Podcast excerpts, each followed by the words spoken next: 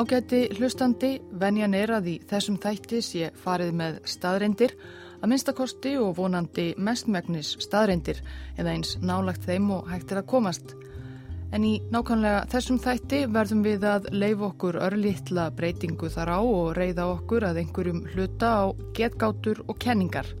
Því raun og veru er lítið vitað um aðal efni þessa þáttar, vitað með vissu það er og það þrátt fyrir að efni þáttarins sé stöðugt í fjölmiðlum og milli tannana á fólki, maður sem bæði er umdeltur og valdamikill. 10. oktober 2010. Uppstrílaðir hermenn, karlar og konur streymdu í stríðum ströymum fram hjá fagnandi mannfjölda, fólk veifaði fánum og blómum og rópaði slagorð, Mannfjölda sem fylti hið gríðarstóra Kim Il-sung torg í miðborg Pyongyang, höfðborg Norður Kóru. Hermenn og fleiri hermenn, skriðdrekar og önnur stríðstæki. Þetta var fjölmennasta skrúðganga í sögu Norður Kóru til þessa og Norður Kórea er land sem lengi hefur verið þekkt fyrir rækilega skipulögð og fjölmenn sjónarspil af þessu tægi. Enda var tilefnið stór merkilegt. 10. oktober 2010 var haldið upp á 65 ára afmæli norður kóreiska verkamannaflokksins, flokksins sem hefur farið einn með öll völd í norður kóru frá stopnun ríkisins 1948.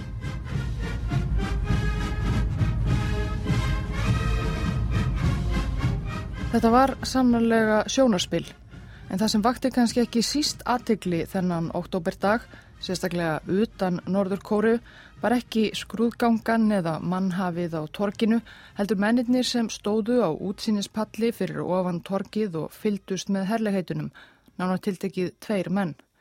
Á miðjum pallinum stóð æðsti leðtogi Norður Kóru frá 1994, Kim Jong-il, sem endra næri hermanagrænum jakka.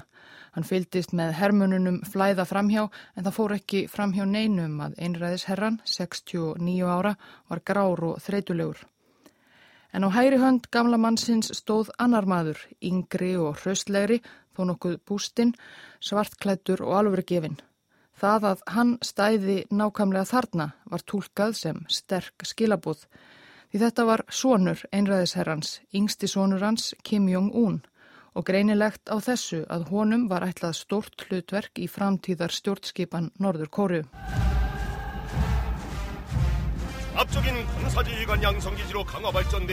Í fyrir þáttum í ljósi sögunar hefur verið farið yfir það hvernig ríkið Norður Kórea leitt dagsins ljós eftir setni heimsturjöld og hvernig það kom til að maður að nafni Kim Il-sung varð æðsti ráðamaður ríkisins og sonur hans á eftir honum. Í stuttumáli var Kim Il-sung frekar misefnaður skæruleðaleitógi og kommunisti framanaf eftir að ekkert gekk að berjast við japanska nýlenduherra sem réðu Kóru á fyrstu áratugum 20. aldar, flúði hann með menn sína yfir til Sovjetríkjana. Þar genguðir til liðs við Rauðaherin en voru ekki hátt skrifaðir, fengu ekkert að gera allt stríðið, hengu bara heima á herstuðinni í Sýberjum. En eftir stríðslokk þurftu sovjetmenn að retta fljótt tröstum kóruumanni til að taka við stjórninni í þeim helmingi kóruuskagans sem þeir hafðu fengið yfir áð yfir, norðurhlutanum. Og þá voru fáir kostir í stöðunni nema Kim Il-sung sem var sendur heim að taka við stjórnatömanum. Sovjetmenn hjálpuðu nýja leittóanum að byggja upp mikla persónu dyrkun í kringum sjálfan sig til að festa sig í sessi Það var list sem sovitmenn á dögum Stalins kunnu upp á sína tíu fingur. En síðar átti Kim Il-sung reyndar eftir að ganga enn lengra í þeim efnum en Stalin hafi gert. Og elsti sonurinn Kim Jong-il tók svo við stjórnin í Norður Kóru þegar fadir hans lést 1994 og stjórnaði að hætti föðursins. Ónur úrinnan, jöndang, jöndgun, jöndminni. Um 2008 þegar Kim Jong-il hafi verið 14 ár við völd fór að verða háværar kenningar um að hann væri að missa hilsuna. Hann sást sjaldnar ofinberlega og þegar hann síndi sig duldist fáum að Kim kominn hátt á sjötugsaldur var að eldast, mögulega að glíma við einhverja sjúkdóma.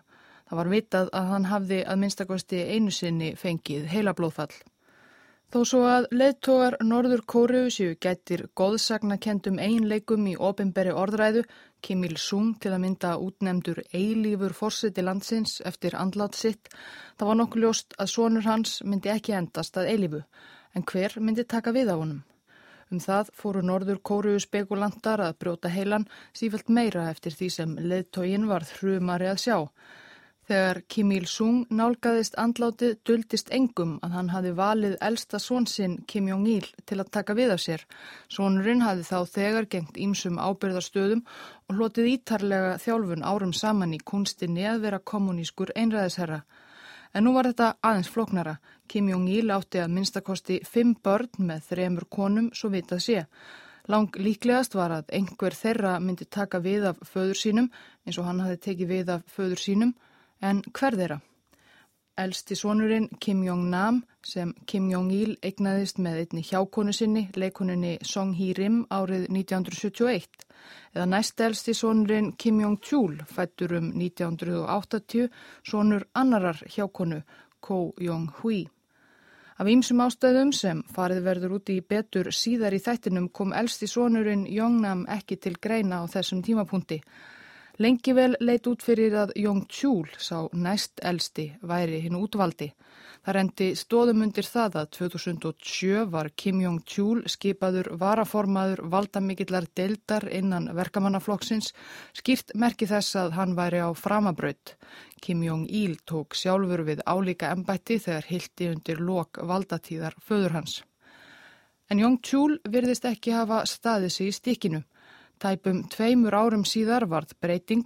Suður kóriska leinithjónustan fullirti þá að Kim Jong-il hefði skipt um skoðun og útnemt yngsta svonsinn Kim Jong-un, arftakasinn eða krónprins.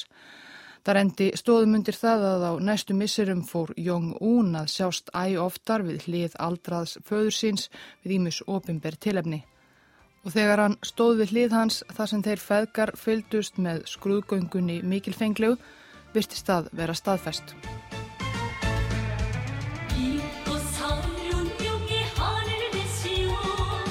Við vitum lítið um æsku og uppvöxt Kim Jong-uns. Norður kóreiska ríkið heldur slíkum upplýsingum lendum eftir fremsta megni.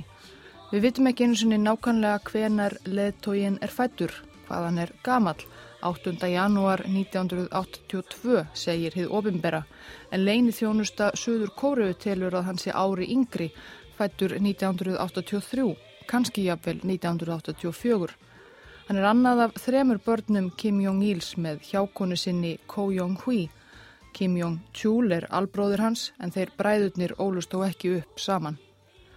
Við getum svo auðvitað vitnað í opimbera æfisugu Kim Jong-un sem norður kóresk skólabörn eru látin læra ungað aldri.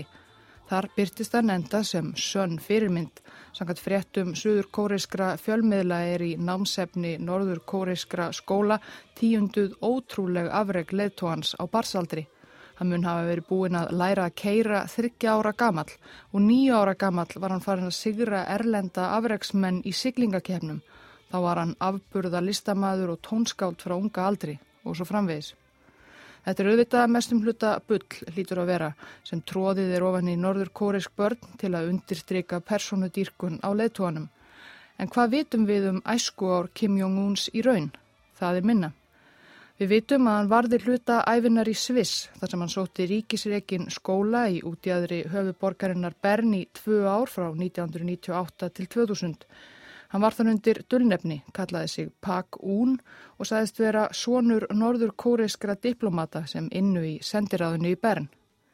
Það vakti aðtegli kennara að á foreldradögum komu aldrei foreldrar drengsins, heldur einhverjir starfsmenn sendiráðsins ættið með nýjar afsaganir fyrir fjárveru foreldrana. Þegar útsef var að Kim Jong-un yrði næsti leðtogi allræðis ríkisins Norður Kóru höfðu fjölmilamenn upp á nokkrum bekkersískinum hans úr svisneska skólanum. Fæst höfðu margar sterkar minningar af skólapiltinum Pak Un.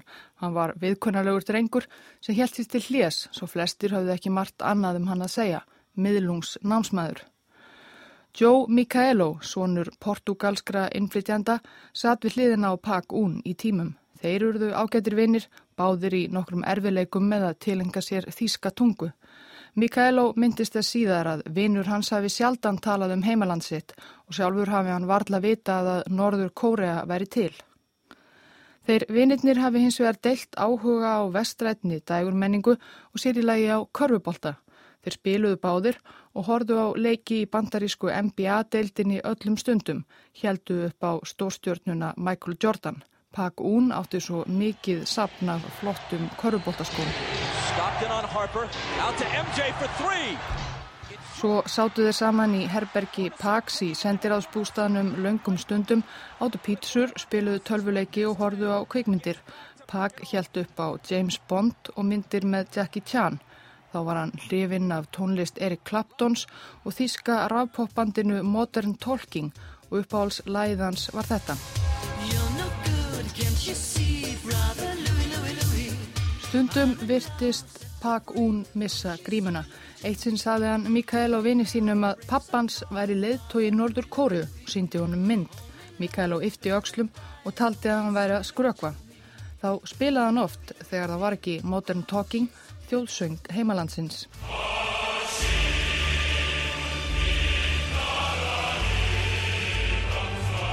Veturinn 2000 á miðri haustön kvarf Pak Un allt í einu úr svisneska skólanum án þess að bekkersískinni hans vissu neitt hvað orði hefði um hann. Þau fengu ekki veita það fyrir en löngu síðar þegar fjölmiðlar upplustu þau um að Pak Un, bekkerbróðir þeirra, hefði í raun verið allt annað maður. Kim Jong-un. Leið hans lág frá Sviss aftur heim til Norður Kóriu. Við vitum lítið um hvað dreif á daga hans næstu árin. Árin 2002 til 2007 var hann í námi við Kim Il-sung háskóla í Pyongyang á nefa fáir sem geta státað því að hafa verið við námi háskóla sem nendur er eftir afamanns. Við þann skóla geta ungmenni úr efstu stjettum norður kórisks samfélags lesið ímisfræði, bæði hugvísindi og raunvísindi en sama hvaða þeir er miklum hluta tíma hvers nefnda varið í að læra um opimbera stefnu norður kóriska ríkisins sem Kim Il-sung afinn mótaði. Hvort Kim Jong-un sérhæfði sig í einhverju í háskólanum er ekki vitað. Hvort hann stundaði yfirleitt námið er heldur ekki vitað.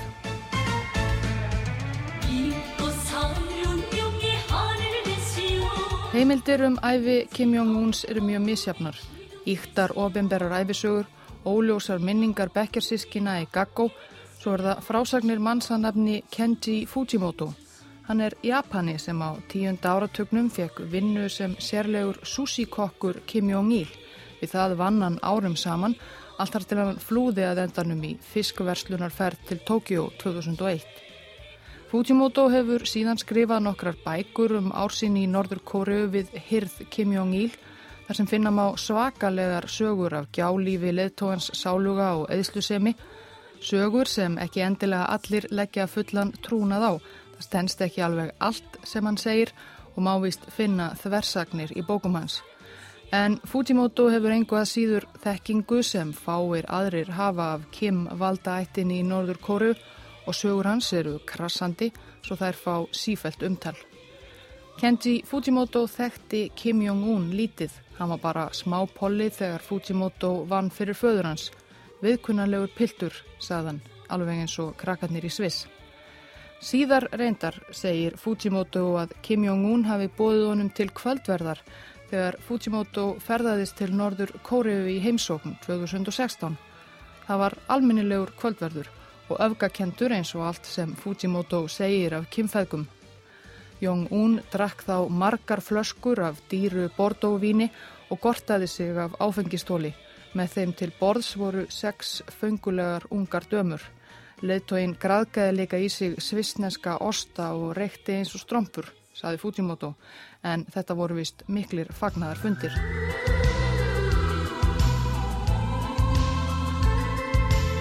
Sem aðsti leðtói Norður Kóriu hefur Kim Jong-un meðal annars fyrirskipað kjarnorkuvopna og eldflögatilraunir og verið með degur barkalegar yfirlýsingar gegn bandaríkunum og ráðamönnum þeirra en eitt af hans fyrstu ennbætisverkum var þó af öðrum toga að stopna popljómsitt.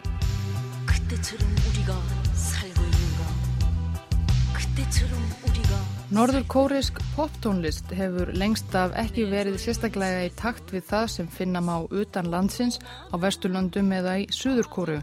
Hér heyrum við til að mynda hljómsveit sem lengi átt að heita einn helsta popsveit Norðurkóru, Pochombo Electronic Ensemble. Eins og flest annað í norður kóriskri dægurmenningu var tónlist hennar hátíðleg og lituð áróður í þáu ríkisins og flokksins. Liðsmenn komu fram á tónleikum formulega klættir í þjóðbúningum eða jakkafötum, alvarlegir í bragði. En í júli 2012 gáttu norður kóriumenn farið að dilla sér við tóna glænýrar hljómsettar, Moranbong band. Það er sangkvöldu stúknarsveit skipuð fengulegum ungum konum sem syngja og spila á öll möguleg hljóðfæri og það sem meira er. Það er koma oftar en ekki nokkuð léttklættar fram, ekki í þungum þjóðbúningum, heldur þröngum glitrandi glimmerkjólum, oftast ekki sérlega síðum og á háum hælum.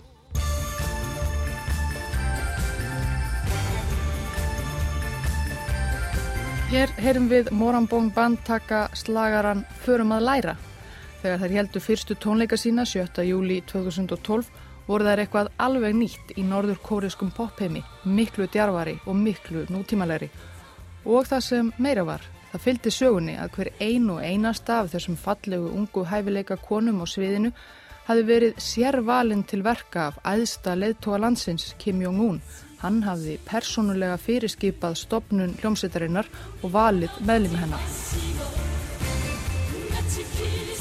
Þegar Kim Jong-un tók við völdum í desember 2011 var hann 28 eða 29 ára gammal og því meðal yngstu þjóðhöfðingi heims. Í stað þess að reyna fela það hversu ungur nýji leittóin var, verðist vera að áróðus meistararnir bak við tjöldin í Pyongyang hafi frekar reynd að nýta sér æsku hans og höfða sérilagi til ungs fólks. Æsku þróttur hefur reyndar alltaf verið í hávegum hafður í ofemberi norður kóreiskri orðræðu en Kim Jong-un á fyrstu misserum sínum í ennbætti varð tíðrætt um æskuna og ungt fólk sem aldrei fyrr framtíð landsins og svo framvegis og fór í skóla og æskulíðsmiðstöðvar og íþrótahús. Og Morambong band var liður í þessum.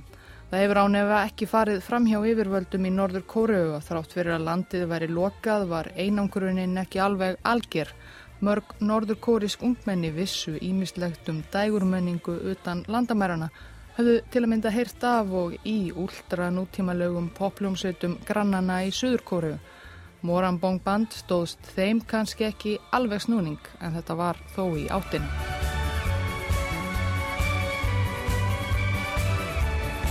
Frá fyrstu tónleikum Morambong Band í júli 2012 hefur bandið reyndar þróast nokkuð í hefbundnari átt. Nú syngja þeir líka áróðurslög Kim Jong-un til dýrðar.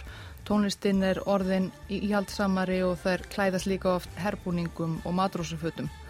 En það var annað sem vakti aðtegli þegar upptökur af fyrstu tónleikum sveitarinnar byrtust. Auðvitað var Kim Jong-un þar meðal áhörvenda, skapari sveitarinnar En það sem skapaði meira umtal var enn og aftur ekki leðtói ríkisins heldur hver var við hlið hans.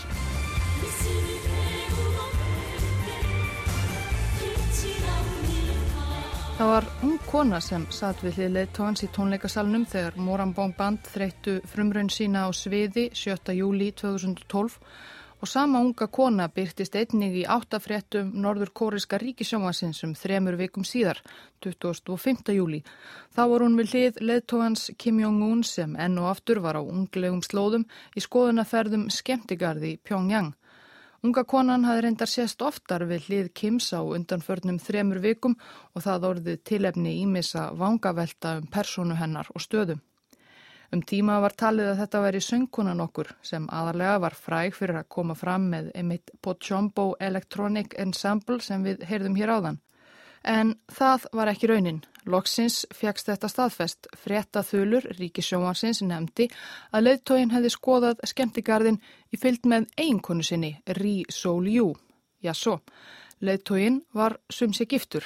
Það höfðu fáir áður vitað bæði í Norður Kóri og í Suðri þar sem Suður Kóriska leinithjónustan reynir þó að fylgjast með ráðamönnum í Granríkinu eftir fremsta megni. Við veitum lítið um þessa Rísó Ljú. Það er líklega ekki hennar upprunulega nafn. Hvað er hún gömul? Kanski fætt einhver staðar á bylunu 1985 til 1989. Hún er á nefa ár efstu stjett elítu norðurkórisk samfélags. Fadir hennar er sagður vera profesor og móðurinn kannski kvennsjúkdómalæknir. Sjálf er hún sögð hafa verið klappstýra á unga aldri, svo lært söng, dvalið í Kína og sömuleiðis lagt stund á doktorsnám í vísindum. Talið er að þau hjónin hafi þegar verið gift í nokkur ár þegar Rís og Ljú byrtist fyrst ofinberlega.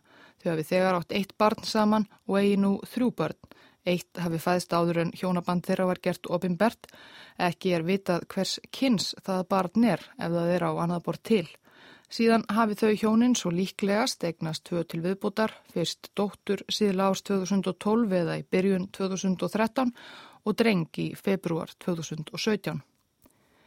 Þó leint kvíli yfir fjölskyldulífinu hefur rí verið talsvert í sviðsljósinu sem er óveinulegt fyrir eiginkonu norður kórisks leittóa.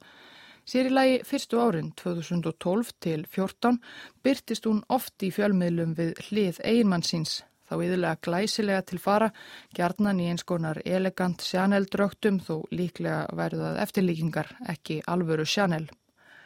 Norður Kóru spekulandar hafa velt fyrir sér að ástæðan fyrir þessu öllu sé að Kim Jong-un vilji ekki vera minni maður en Xi Jinping fórseti Kína sem á einstaklega glæsilega eiginkonu sem í ofanálag er fræg og dáð söngkona. En reyndar hefur minna sérst til Ri Sól Jú á síðustu árum. Af og til sérst hún ekki ofinberlega mánuðum saman en dúkar svo óforvarandis aftur upp. Af hverju veit enginn.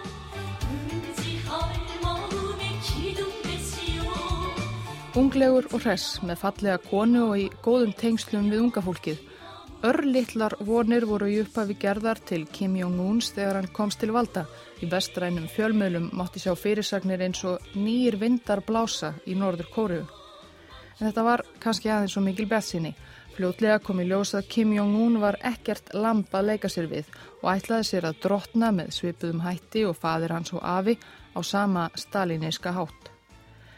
Eins og með svo margt annað er erfitt að segja hér margt með vissu en fregnir herma að ekki löngu eftir að Kim Jong-un tók við völdum hafi 31 háttsettur herfóringi verið tekin af lífi. Mögulega voru þeir sakaðir um tilraun til valdaráns. Ekki vitum við hvort það er sakir eiga við röka stiðjast eða ekki en ef eitthvað geti ógnað valdi Kim Jong-uns er það herin Norður kóriski herin er eitt sá fjölmennasti í heimi, miljón hermenni virkir í herþjónustu og 5 miljónir til viðbótar í varasveitum og í hann er dælt endalösum fjárhæðum. Þetta er einn valdamesta stopnun landsins. Kim Jong-un eins og fadir hans og afi á undan honum er aðsti yfir maður hersins að nafninu til en það þýðir ekki endilega að hann nýtekin við völdum hafi átt hotlustu allra herfórkólfa vísa Kanski þurfti hann að glíma við andstöðu á fyrstu metrunum og sanna sig með fjöldaaftökum. Og það var svo ekki það eina.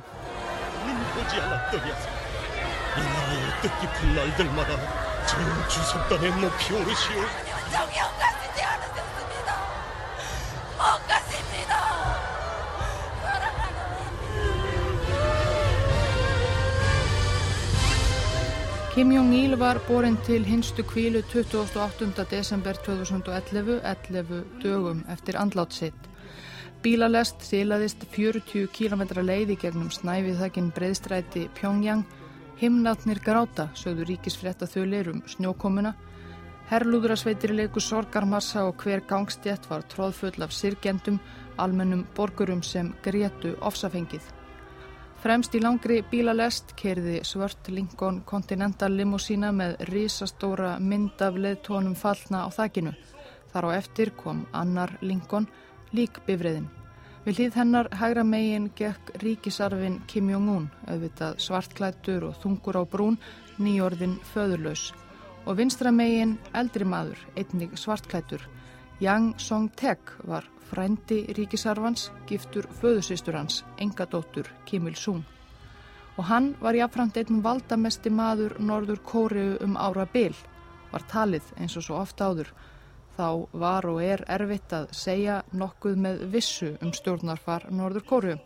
En Yang Song-tek var lengi varaformaður mikilvægrar þjóðaröryggisnefndar. Formaðurinn var auðvitað Kim Sálugi Jóngil sjálfur og því mögulega næst valdamesti maður landsins og það var einnig talið að hann hefði mögulega farið að mestu með stjórn Norður Kóriu undanfærin ár þegar Kim Jong-il var orðin gamal og veikburða ófær um að stjórna sjálfur. Hann var líka talin vera náinn ráðgjafi unga mannsins sem stóð við hliðans við útför leittóhans, Kim Jong-uns, þegar sá síðan nefndi tók svo við stjórnatömunum, fyrstu misserinn á meðan það leita enn út fyrir að einhverjir ferskir nýjir vindar fyldu Kim Jong-un sem var alltaf að tala við og um unga fólkið skoða skemmtigarða hlusta á poptónlist með fínu og fallegu konu sinni. En það bólaði reyndar svo lítið á nokkrum alvöru breytingum. Jú, dagana eftir að Kim Jong-un tók formlega við völdum voru aðeins meiri og fjölbreyttari matvæli í hillum maturversluna í Pyongyang en hafðu verið nokkrum vikum áður limskulegt bragð stjórnvalda til að láta líta út fyrir með valdatöku unga mannsins væri betri tíð þegar hafinn.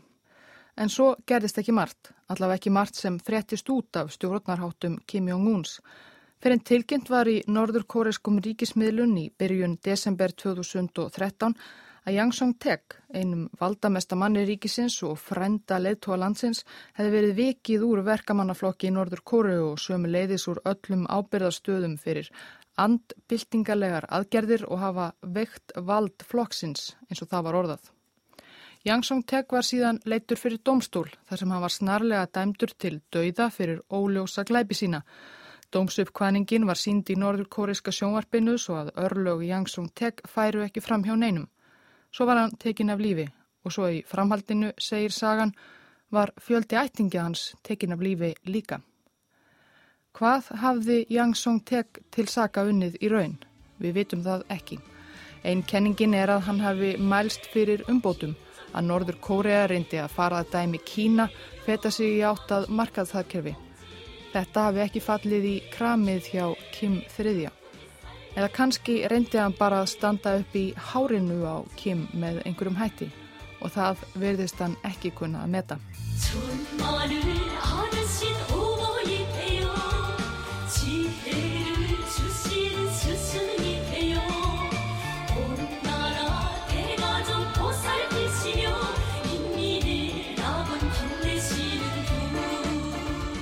Heimsbyðin fekk að sjá annað dæmi um að Kim Jong-un svífist einskis, hvorki þegar að kæmi að kjarnorkuvopna gerðinni öðru nokkur márum síðar. Eins og fyrr segir var Jong-un valinn af föður sínum sem ríkisarfi um 2009 eða svo er talið og þá tekinn fram yfir tvo eldri bræður. Miðbróðurinn hafði reyndar fengið tækifæri tveimur árum áður en greinilega verið hafnaða lokum. Við vitum ekki hvers vegna Japanski sushi-kokkurinn Kenji Fujimoto segir að pappa gamla hafi að lokum þótt miðsónur hans of kvenlegur og veik geðja til að verða einræðisherra. En áður en þeir Kim Jong-chol og Jong-un komust yfirleitt á radar Norður Kóru spekulanda var það elstisónurinn sem menn töltu að myndi erfa krúnuna ef svo máð orði komast. Kim Jong-nam, tíu árum eldri en hálfbræður hans. Þegar hann var lítill satt hann í kjöldu föður síns í hásætinu á skrifstofu eins aðsta leðtoga og pappin saði, eitt daginn situr þú hér og drotnar yfir fólkinu. En Kim Jong-nam reyndist svo líka til vandræða fyrir föður sinn. Árið 2001 var hann þá tæplega þrítugur tekin höndum á Narita flugvelli í Japan. Hann var í fyllt sonar síns fjögur ára og tvekja kvenna að reyna að komast inn í landið frá Kína á grunnsamlegu vegabrifi. Vegabrefið sjálft var frá Dominikanska líðveldinu en nafnið á handhafa þess var kínuverst og við nánari aðtugun var það falsað.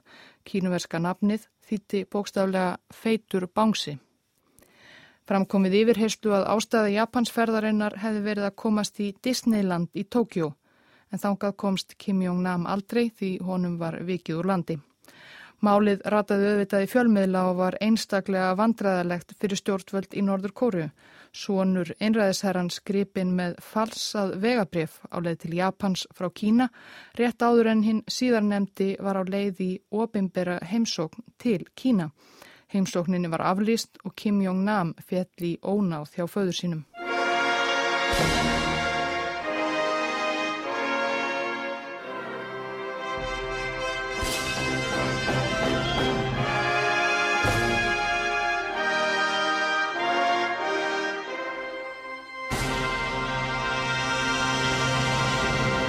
Hann gati ekki farið heim, röklaðist á flótta og endaði í kínversku spilavítismekkunni Macau.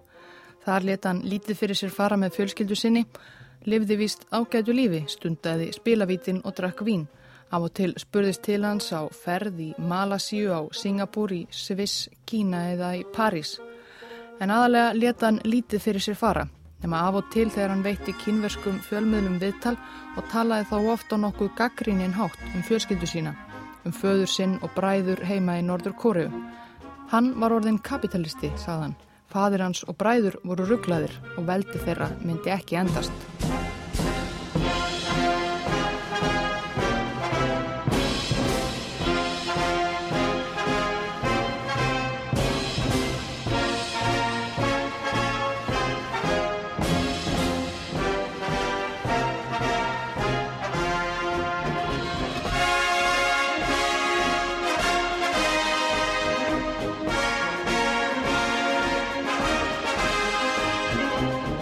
Var kannski ekki að ástæða lausu að hann let þó yfirleitt lítið fyrir sér fara.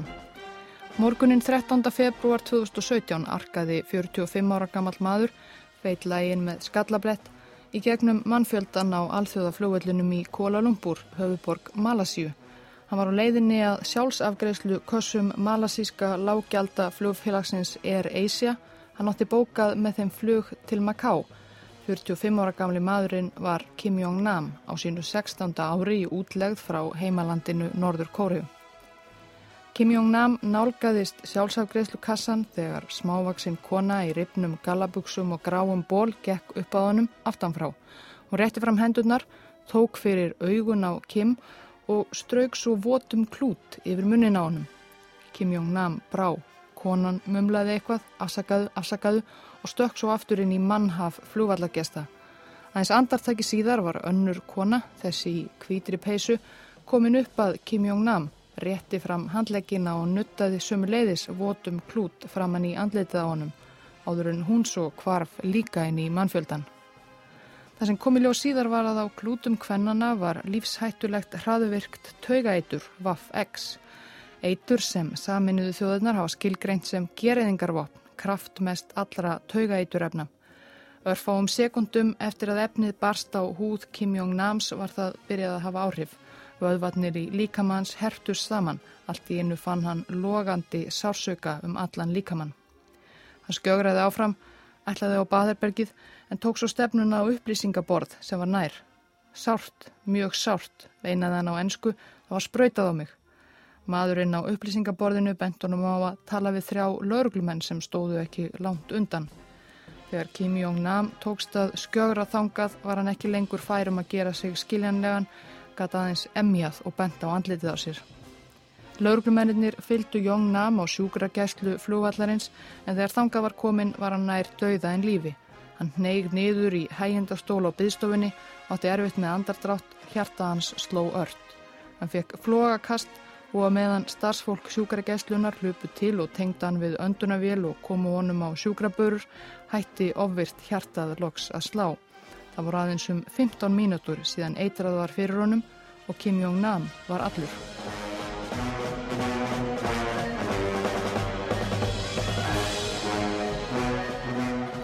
Rannsókn malasísku lauruglunar á morðinu á Kim Jong-nam hefur verið hinn líilegasta Í ljós hefur komið að konurnar tvær sem smurðu eitri á vitans á flugvöldunum í Kuala Lumpur voru erlendar, hinn fyrri indonesísk og svo síðari frá Vietnám. Báðar hafðuður komist í kynni við tja, dularfulla menn sem sögðus verið að leitað ungum konum til að leika í grínumyndbandum falinni myndavill eins konar. Þeirra fyrsta verkefni var að nugga klútum með því sem þær töltu að veri barnáolja framann í andlit á ókunnugum flúvallargestum í Kuala Lumpur. Mennirnir voru að öllum líkindum norðurkóriskir leinuþjónustumenn sem vörðu vikum eða mánuðum í að þjálfa ungu erlendu konurnar í þessari furðulegu aðferð til að ráða einn sérstakann mann af dögum. Þó það fáist kannski ekki sannað er næsta víst hver fyrirskipaði morðið á Kim Jong-nam. Kim Jong-un, bróðir fornarlamsins. Yngri bróðurinn sem hrefti hnossið eftir að eldri bræður hans reyndust óhæfir arftakar eins einangraðasta og ofstækisfylsta einræðisríkis heims. Yngri bróðurinn sem á stuttu tímabili var talinn ferskur andvari í þessu undarlega ríki en sem reyndist alveg af slæmur og fadir hans og afi sveifst einskis til að tryggja veldi sitt, vilaði ekki einu sinni fyrir sér að myrða bróður sinn.